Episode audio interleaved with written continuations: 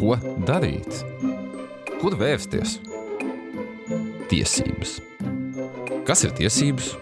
Kādas ir manas tiesības? Tiesības zināt. Laipni lūgti Delfi TV raidījumā Tiesības zināt. Esmu tā vadītājs Kārlis Arājs. Kurš gan kādreiz strīda karstumā nav izsaucies, es tevi iesūdzēšu tiesā? Nu, Pieņem, ka daudzi, taču kas nepieciešams, lai šos vārdus pārvērstu par realitāti? Un kad to vispār vērts darīt, un vai ciestīs pa maciņu? Vai es, cilvēks, kas vispār nepārzina jurisprudentus, to maz var izdarīt? Uz šiem un citiem jautājumiem studijā šodien atbildēs Rīgas pilsētas tiesas tiesnese Aelita Ignatjeva. Sveiki! Labdien! Nu, mans pirmais jautājums, iziet jau no pieteikuma, būtu, vai es, Kārlis Arājs, kādu varu iesūdzēt tiesā? Nu, piemēram, man ir čoms, kurš, kuram aizdeva 500 eiro, tas neģēlis to naudu neatdod. Kas man ir jādara, lai tas neģēlis sēdētu pie jums tiesas zālē uz sola? Protams, ja jums ir kāds cilvēks, kurš uh, neatdod jums aizdoto naudu, protams, ka jums ir tiesības vērsties tiesā. Un kas ir jādara? Jāsastāda prasības pieteikums un jāiesniedz tas tiesā. Kas ir prasības pieteikums? Uzreiz tas tos jautājums jebkuram cilvēkam. Prasības pieteikums pavisam tādā vienkāršā valodā to var nosaukt par iesniegumu, bet vēršoties tiesā, tas ir prasības pieteikums. Jau no viņa nosaukuma izriet, ka tas ir prasījums pret kādu.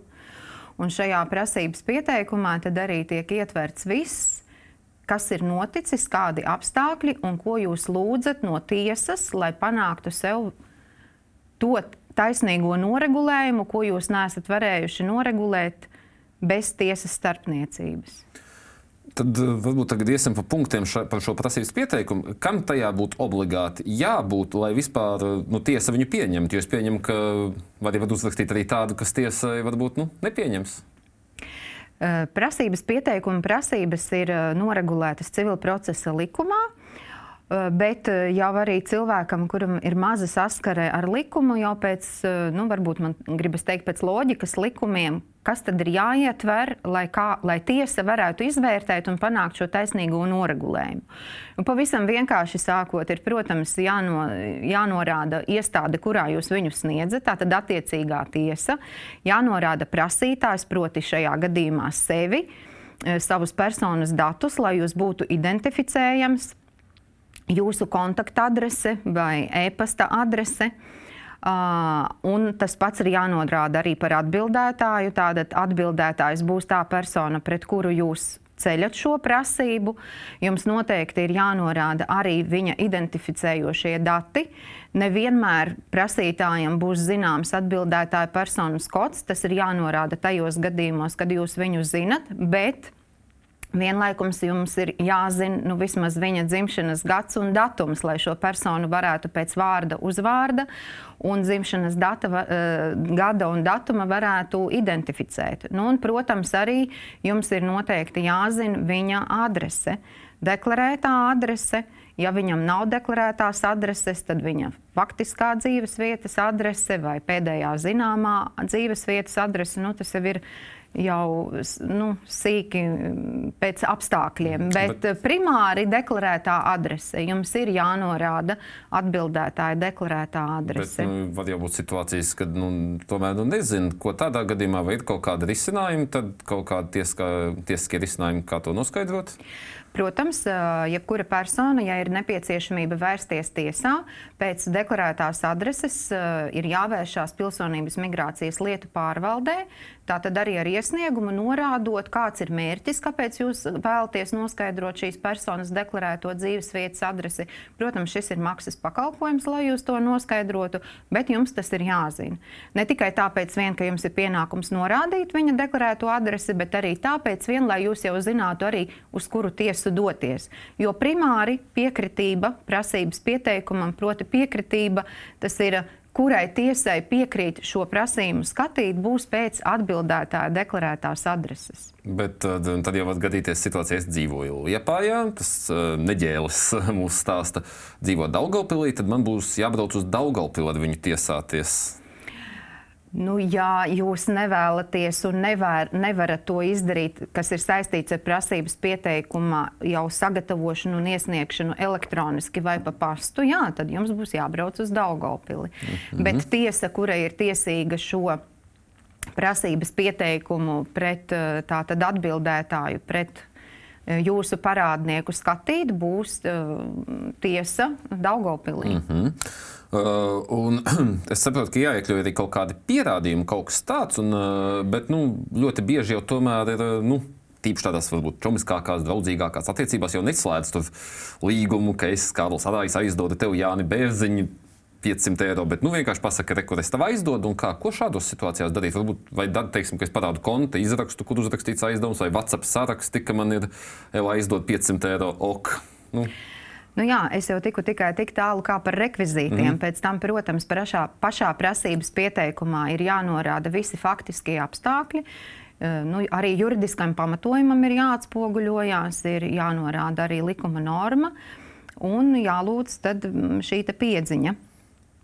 Uh, un par pierādījumiem, protams, arī jums ir jāizklāsta un, pareizāk sakot, jāpievieno šim prasības pieteikumam visi tie pierādījumi, kas pierāda jūsu prasības pieteikumā norādītos apstākļus.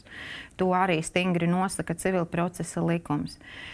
Uh, to, kādus pierādījumus jūs izvēlaties un uzskatāt par nepieciešamiem, tas jau būs jūsu ziņā. Uh, jo civil procesa likums nosaka mums eh, tātad pušu līdztiesību un sacīkstes principu, un pati tiesa šajā jautājumā nekādā ziņā neiejauksies, bet izpildot tikai civil procesa likuma 93. panta 4. daļas noteikumus, jums var vērst uzmanību, ka jūs nesat kādu apstākli lietā pierādījis.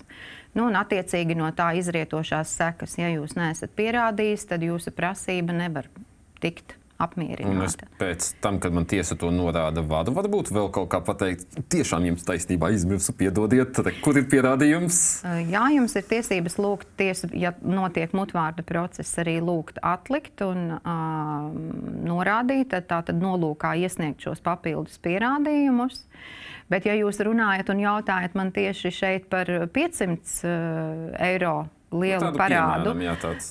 tad man jāsaka, ir, ka līdz 2500 eiro prasība tiesā ir iesniedzama vienkāršotās procedūras lietā par naudas piedziņu un nekā citādi. Tas ir tā stingri noteikts. Tad, kad jau tā parādu summa ir vairāk, tad tā ir vispārējā prasības kārtībā.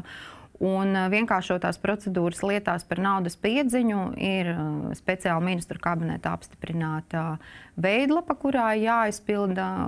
Tad jau pēc tās veidlapas cilvēkam ir, eh, nu, manā ieskatā, nu, krietni vieglāk uzrakstīt, un aizpildīt un sastādīt šo prasības pieteikumu, jo tur jau veidlapas veidā ir norādīts pilnīgi viss, kas tajā ir iekļaujams un norādāms. Mm.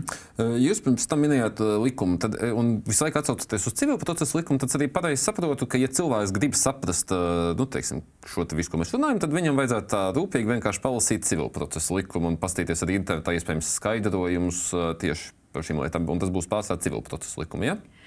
Civil prasības mums tiesā tātad civil lietas tiek skatītas saskaņā ar civil procesa likumu. Tas ir pamatlikums, kurā ir noteikta visa kārtība, kādā veidā civillieta tiesā tiek izskatīta.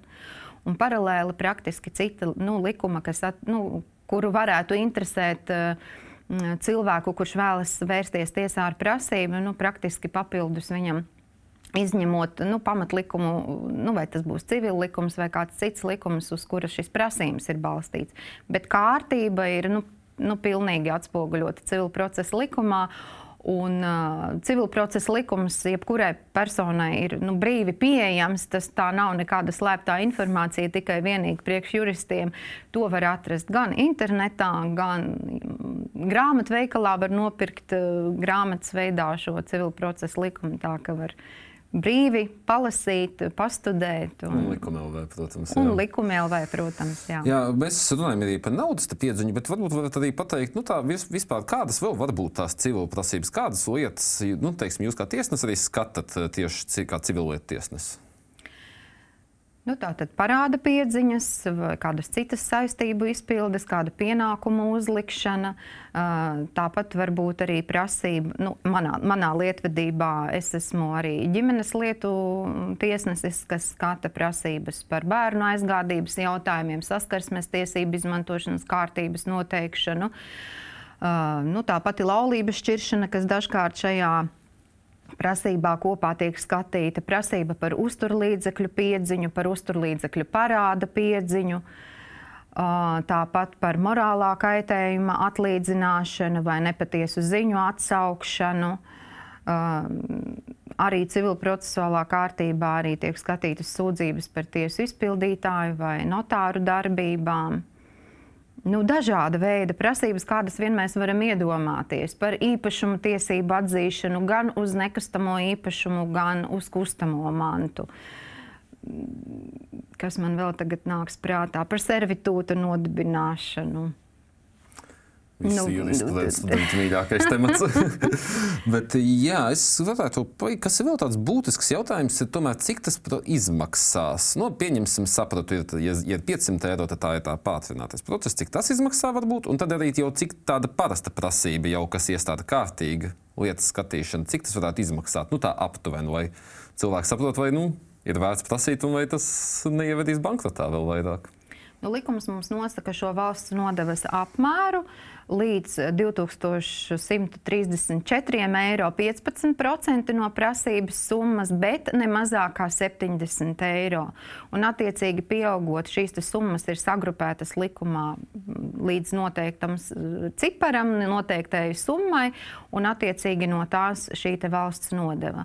Bet nu, orientējoši tie ir apmēram nu, 15% no prasības summas. Un, ja es teiksim, uzvaru šajā lietā, tā naudu paliek pie valsts, vai es viņu dabūnu atpakaļ? Saskaņā ar likumu tā puse, kuras labā taisīts spriedums, proti, vai nu ja prasība ir apmierināta, tad visus izdevumus, kādi uh, prasītājiem ir radušies uh, tiesvedības gaitā, atlīdzina no atbildētāja. Savukārt, ja jūsu prasība izrādās nepamatota un, un nepierādīta, proti, tiesa jūsu prasību noraida, tad eh, no jums par labu atbildētājiem tiek piedzīti viņa tiesas izdevumi. Man būs jāsamaksā pašam savēji arī, vai ne? Nu, tie jau jūs būsiet jau à. viņus nomaksājis. Jā, es būšu nomaksājis. Bet ko tad darīt situācijā, ja es uzvaru? Es jau esmu samaksājis, nu, varbūt pāris tūkstošus par šo prasību, un tam atbildētājiem nav naudas.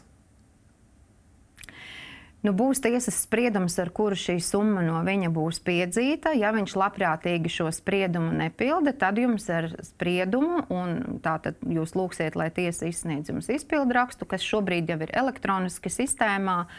Mm, pašam jums fiziski tas nav jādara, bet, bet ar spriedumu izpildi, ja tātad atbildētājs to nepilda labprātīgi, jums ir jāiet pie zvērināta tiesu izpildītāja, kurš nodarbojas ar tādu faktiskām darbībām, lai piedzītu no parādnieka jums par labu piedzīto naudas summu. Visu kopā, gan parādu, gan arī tiesāšanās izdevumus, visus, kādi jums par labu ir piedzīti. Un, Tas var ilgt ļoti daudzus gadus. Tas var būt arī ļoti ātri, ja, ja, ja jūsu parādniekam ir tātad, nu, pastāvīgi ienākumi, kas pārsniedz minimālo mēneša algu valstī noteikto, vai viņam ir kāda piederoša manta. Tā var būt gan kustama manta, gan arī nekustamie īpašumi, pret ko tad tiesa izpildītājs var vērst šo piedziņu. Uh, kāda ir prasības pieteikuma, un vēl daži jautājumi ir viens ir tas, vai tiesa teiksim, vērtēs, ja nu, gramatika negāja tik labi. Tiesa vērtē, nu, teiksim, tīri to pareizi rakstību gramatiku, tā būtiski. Jo, nu, tomēr, ja cilvēks pats raksta, varbūt vēl uztraucās, tad visādi var gadīties.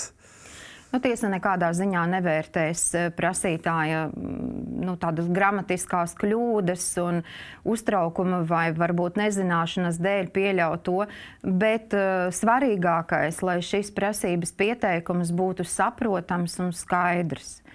Pārējo jau tiesai ir uh, nu, zināšanas un, un sapratne. Uh, pēc, pēc būtības, par ko tas uh, cilvēks kādas savas aizskartās tiesības vēlas aizstāvēt. Tāpēc jau tiesa arī ir priekš cilvēka, kurš nu, ir aizskarts un kura tiesības netiek ievērotas par gramatiskām kļūdām un kaut kādām nepilnībām vai nepareizām teikuma veidošanām vai varbūt uh, iedomātas secības neievērošanu, tas nekādā ziņā neietekmēs to, uh, ka tiesa pieņems vai nepieņems jūsu prasības pieteikumu. Un kā vispār ir jūsu pieredze, kad cilvēki ir cilvēki paši var uzrakstīt to prasības pieteikumu, vai tomēr ir labāk meklēt kādu advokātu un tur arī tomēr tērēt naudu, tajā meklējot juridisko padomu, vai tomēr cilvēks pats var uzrakstīt tā, lai arī nu, veiksmīgi aizstāvētu savas tiesības. Es gribu teikt, tā, ka vēršoties pēc kvalificētas juridiskas palīdzības, jums uh, vienmēr nu, būs mazāk satraukuma vai pārdzīvojumu par uh, par šo, šo prasības pieteikumu, bet vienlaikus es gribu teikt, ka cilvēks var pats un spēj arī uzrakstīt prasības pieteikumu un iesniegt to tiesā. Un, neskatoties uz to, ka mēs jau esam tik dig, dig, digitalizētā laikmetā, un arī mums tiesā pakāpeniski tiek ievestas pat e-lietas, arī šobrīd mēdz būt, ka cilvēks pat prasības pieteikumu ir uzrakstījis ar roku, vienkārši uz papīra, ar pildspalvu, kas vien jau liecina par to, ka viņš to ir darījis pats. Un tikai tas vien, ka viņš ir uzrakstīts ar, ar roku, Uh, nu, nevienmēr tā kvalitāte uzreiz jāsaka, ka ir nu, ļoti slikta. Uh, cik ilgi vispār tāds process var iet? Nu, sāksim varbūt no tāda visātrākā līdz tādam vidējam, un tad arī varbūt varam ieskicēt, kas ir kādos gadījumos var ievilkties. Nu, tā teikt, iziesim pa tiem trim posmiem. Un, kad prasības pieteikums tiek iesniegts tiesā, uh, ja tur viss ir mm, kārtībā, nekādu trūkumu nav un tiesnesim nav pamata šo prasības pieteikumu atstāt bez virzības, varbūt es uzreiz arī piemetināšu, ko tas nozīmē. Tātad, ja jūs iesniedzat prasības pieteikumu un tajā kaut kas iztrūkst, iztrūkst kaut kas no tā, kam ir jābūt norādītam prasības pieteikumā, vai iztrūkst kāds dokuments, kas ir jāpievieno šim prasības pieteikumam, tad tiesnesis pieņems lēmumu atstāt šo jūsu prasības pieteikumu bez virzības virzības un uzskaitīs visus trūkumus, kas jums šajā prasības pieteikumā ir, un noteiks ne mazāk kā 20 dienas šo trūkumu novēršanai. Uh, un, ja jūs šos trūkumus būsiet novērsis, lieta tiks pieņemta un ierosināta civillieta. Nu, tā tad rēķiniet, tās jau ir apmēram jau 27 dienas. Jo tiesnesis uh, septiņu dienu laikā izlem šo jūsu pieteikumu, uh, un desmit dienu laikā, jo šobrīd mums ir desmit dienu laikā. Un, Un tad ir 20 dienas jums laiks novērst trūkumus, un tad lieta ierosināta. Tas ir pie gadījuma, ja kaut kas ir trūkst. Lieta tiek ierosināta, prasības pieteikums tiek nosūtīts atbildētājam. Vispirms, protams, lai viņš zinātu, ka šāda prasība pret viņu ir celta, lai viņš ar to var iepazīties, un viņam ir uzlikts par pienākumu iesniegt lietā rakstveida paskaidrojumus par šo prasību. Atkarībā no prasības eh, tas varētu būt, ja tas skar bērnu lietas, kāda pātrinātā lieta, tās būs mm, ne mazāk kā 15 dienas, jeb līdz 15 dienām. Un savukārt, piemēram, ja tā būs vienkāršotās procedūras lietas mm, par naudas piedziņu, tās būs 30 dienas no šī prasības pieteikuma nosūtīšanas. Nu, tā rupji rēķinot, nu, tā tad apmēram kaut kāds mēnesis paiet pie tā. Tad, kad ir pagājis šis termiņš, tad tiesnesis nosaka šo lietas skatīšanu vai rakstveida procesā, vai tiesas sēdē. Un tas jau ir atkarīgs no tiesneša noslodzes kalendāra. Man personīgi šobrīd, ja, ja šobrīd man būtu jāzīmē lieta skatīšanai, tas būs nākamā gada marts, aprīlis. Lielākā daļa arī lietas izskatās uz šo pirmo reizi. Nu, tā tad mēs tad varam rēķināt, nu, tas ir kaut kāds nepilns pusgads, nu, pusgads apmēram. Jūs teicāt, raksturveidu vai mutvārdu. Kāda Jā. ir atšķirība man kā prasītājiem šajā gadījumā? Vienkāršotās procedūras lietas tātad par naudas piedziņu līdz 2,5 tūkstošiem primāri tiek noteikts, ka viņas tiek skatāmas rakstveida procesā. Uh, savukārt Kā prasītājs, tā arī atbildētājs var tiesu lūgt eh, lietu izskatīt arī mutvārdu procesā, norādot argumentus, kāpēc. Tas varētu būt saistīts piemēram arī ar pierādīšanu. piemēram, jūs minējāt par mm, naudas aizdošanu bez rakstveida līguma. Tie varētu vieni no pierādījumiem, piemēram, būt liecinieku liecības. Un liecinieku liecības nav iespējams rakstveidā iesniegt. Tās tiesa var uzklausīt tikai mutvārdos. Šo liecinieku tādēļ varētu būt nepieciešams šis mutvārdu mm. process.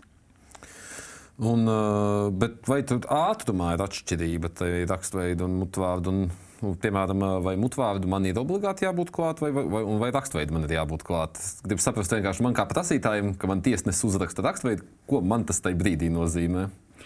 Ja tiesnesis lietu skata rakstveidā, protams, ka jūsu klātbūtne uh, nav un jums nav jāierodas tiesā.